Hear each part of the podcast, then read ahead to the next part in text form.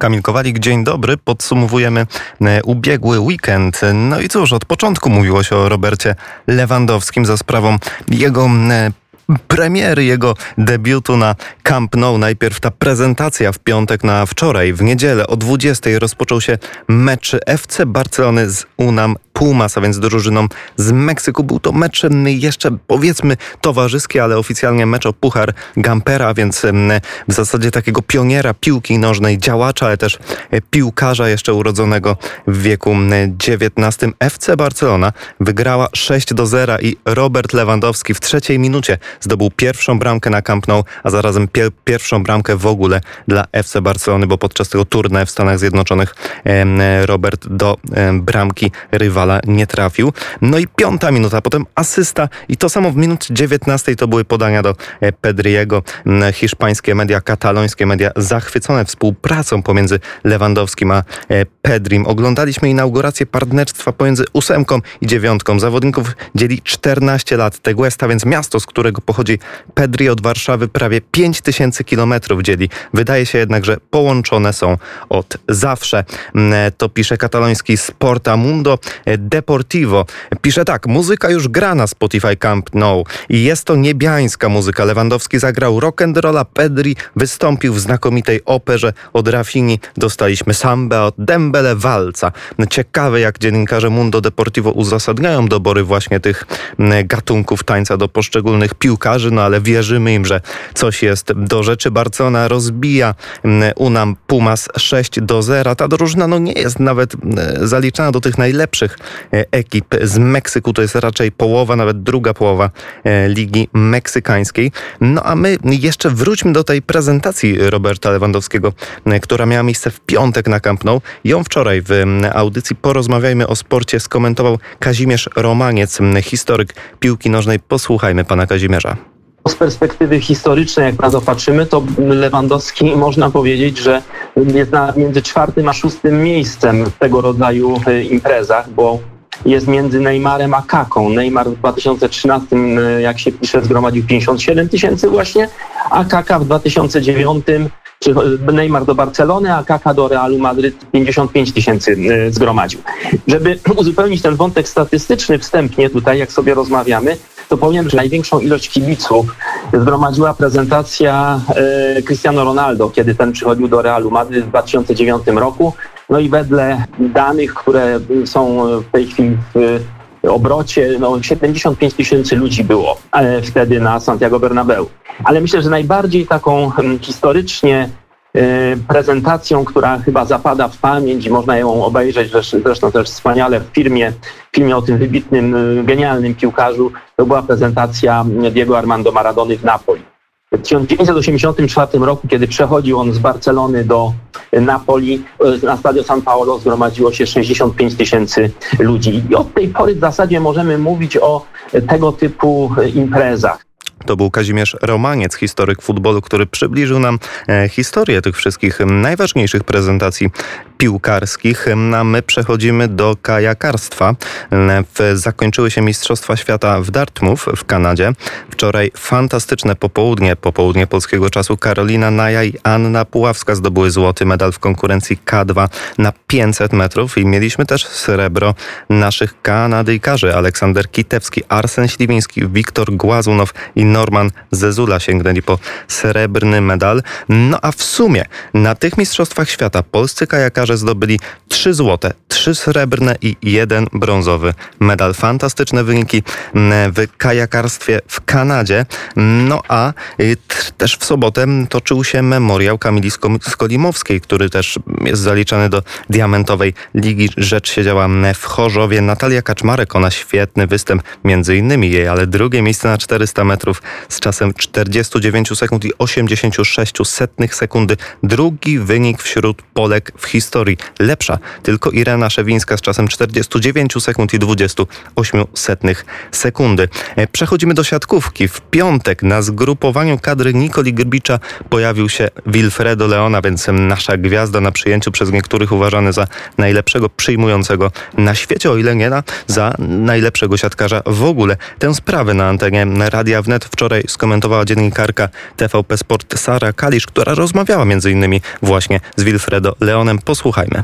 Wilfredo jednak zgodnie z zapowiedziami dołączył do kadry i choć początkowo mogło się wydawać, że to jest tylko po to, żeby on się znowu wczuł w ten rytm drużyny, żeby nie miał rocznej przerwy od bycia z reprezentacją Polski, to w kolejnych godzinach i dniach y, pojawiały się coraz bardziej optymistyczne informacje. Jedną z nich było to, że zaczął skakać, co też potwierdził Nikola Grbicz w rozmowie ze mną ostatnio. Sam Wilfredo również powiedział, że jego mm, rehabilitacja przebiega szybciej, że wręcz tutaj w spale wszyscy są zdziwieni tym, na jak dobrym poziomie już jest i że on zrobi wszystko, żeby na tych Mistrzostwach Świata być i mnie się wydaje, że jest szansa na to, żeby zdążył.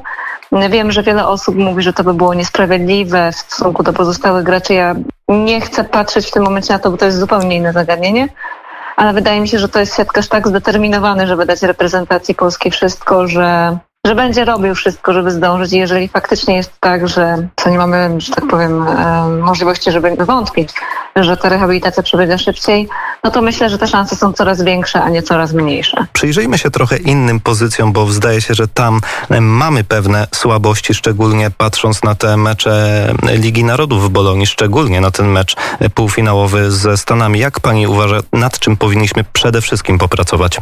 Ja myślę, że na tym, by realizować to, co Nikola Grubicz mówił od początku. Nie ma znaczenia, w którym momencie meczu jesteśmy, nie ma znaczenia to, czy w danej chwili przegrywa się 0 do 2 i trzeba wejść na zmianę w trzecim secie i spróbować coś zmienić na, na parkiecie. To takie odcięcie się od tej rzeczywistości, która jest na boisku w kontekście wyniku, myślę, że jest bardzo cenne i też przecież pomaga siatkarzom. Pamiętamy mecze tej ostatniej fazy Mistrzostw Świata półfinał z USA 2018, kiedy doszło nam strasznie pod górę w meczu z Amerykanami. Olek Śliwka wszedł jak gdyby było cały czas na tablicy 0 do 0 i wszystko trzeba było zacząć od nowa. I zmienił ten mecz, zmienił jego przebieg. Awansowaliśmy wtedy do, do finału i obroniliśmy ten tytuł. Myślę, że to jest absolutna taka podstawa, o której każdy siatkarz, który wchodzi z ławki, musi zaczynać wchodzenie na boisko.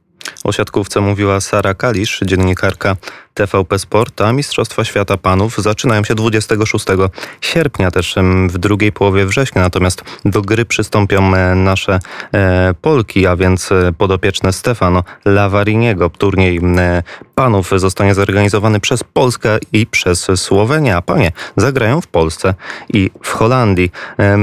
Teraz, drodzy Państwo, przejdziemy do tematu motorsportu, bo bardzo dużo dzieje się w Formule 1. Tam transferowy rynek ruszył jak lawina po decyzji Sebastiana Fettela sprzed półtora tygodnia, który zdecydował się opuścić Astona Martina po kilku dniach. Jego miejsce wypełnił Fernando Alonso, a więc dwukrotny mistrz świata, który opuścił szeregi Alpin. No było to mm, naprawdę nie, niezwykłe mm, wydarzenie, tak jak mówił Paweł Surynowicz, gość wczorajszej audycji sportowej w Radiu Wnet. W Formule 1 rzadko zdarzają się niespodzianki, ale to do takiej należy mm, zaliczyć jeśli chodzi o niespodzianki transferowe, bo na to, że od czasu do czasu coś rzeczywiście ciekawego się zdarza. Posłuchajmy Pawła Surynowicza, a więc redaktora naczelnego magazynu Polski Karting, co mówił o transferach w Formule 1 pod koniec lipca y, Otmar Schaffnauer, czyli szef Alpina, mówił, że zarówno Alonso, jak i Piastri znajdą się w składzie w sezonie 2023. Natomiast, no, tak jak Alonso zostawił na lodzie Alpina, mówiąc jeszcze pod koniec miesiąca, pod koniec lipca, że,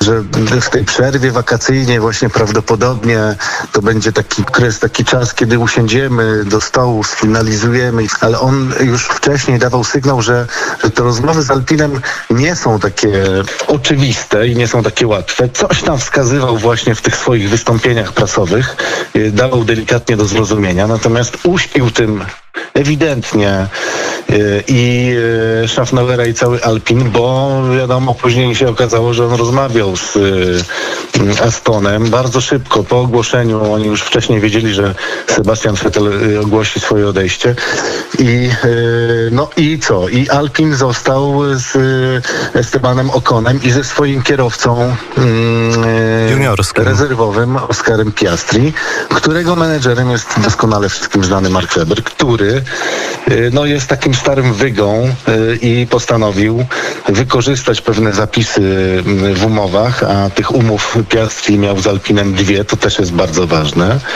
Y, No i załatwić, w cudzysłowie mówiąc, oczywiście do swojego podopiecznego lepszy zespół, No właśnie i wszystko wskazuje na to, że Oskar Piastri, a więc były mistrz Formuły 2, też mistrz Formuły em, 3, em, e, przepraszam, mistrz aktualny Formuły 2, a były mistrz Formuły e, 3 dołączy do szeregów e, McLarena, e, a w Alpin zobaczymy, kogo, e, kogo będziemy widzieć w przyszłym sezonie. Być może będzie to Daniel Ricciardo, a więc ten, którego Oskar Piastri prawdopodobnie w McLarenie e, zastąpi. E, No dobrze, przechodzimy jeszcze do piłki nożnej, no bo przecież nasza ekstraklasa m, wczoraj rozgrywała swoje spotkania i to nie tylko wczoraj, ale m, także w m, sobotę. No i dzisiaj mamy jeszcze ostatni mecz polskiej ekstraklasy. Przybliżmy e, te wyniki tego weekendu. To była kolejka numer 4. Stal Mielec e, jeszcze e, w piątek wygrała z Krakowią 2 do 0. Legia Warszawa pokonała Piast Gliwice 2 do 0. Korona Kielce 1 do 0. Wygrała z Lechią Gdańsk. Jagiellonia przegrała u siebie 1 do 2 z Radomiakiem. Śląsk zremisował z Widzewem 2 do 0 do 0. Warta Poznań prze, przegrała z Pogonią Szczecin 1 do 2. Zagłębie Lubin Lech Poznań tutaj remis 1 do 1. Górnik Zabrze 1 do 0. Wygrał z Rakowem Częstochowa. Dzisiaj o godzinie 19 mecz Wisła Płock Miedź Legnica. No dobrze, to w sporcie już tyle. Ja zapraszam za godzinę po godzinie 9 jeszcze wiadomości sportowe. Do usłyszenia.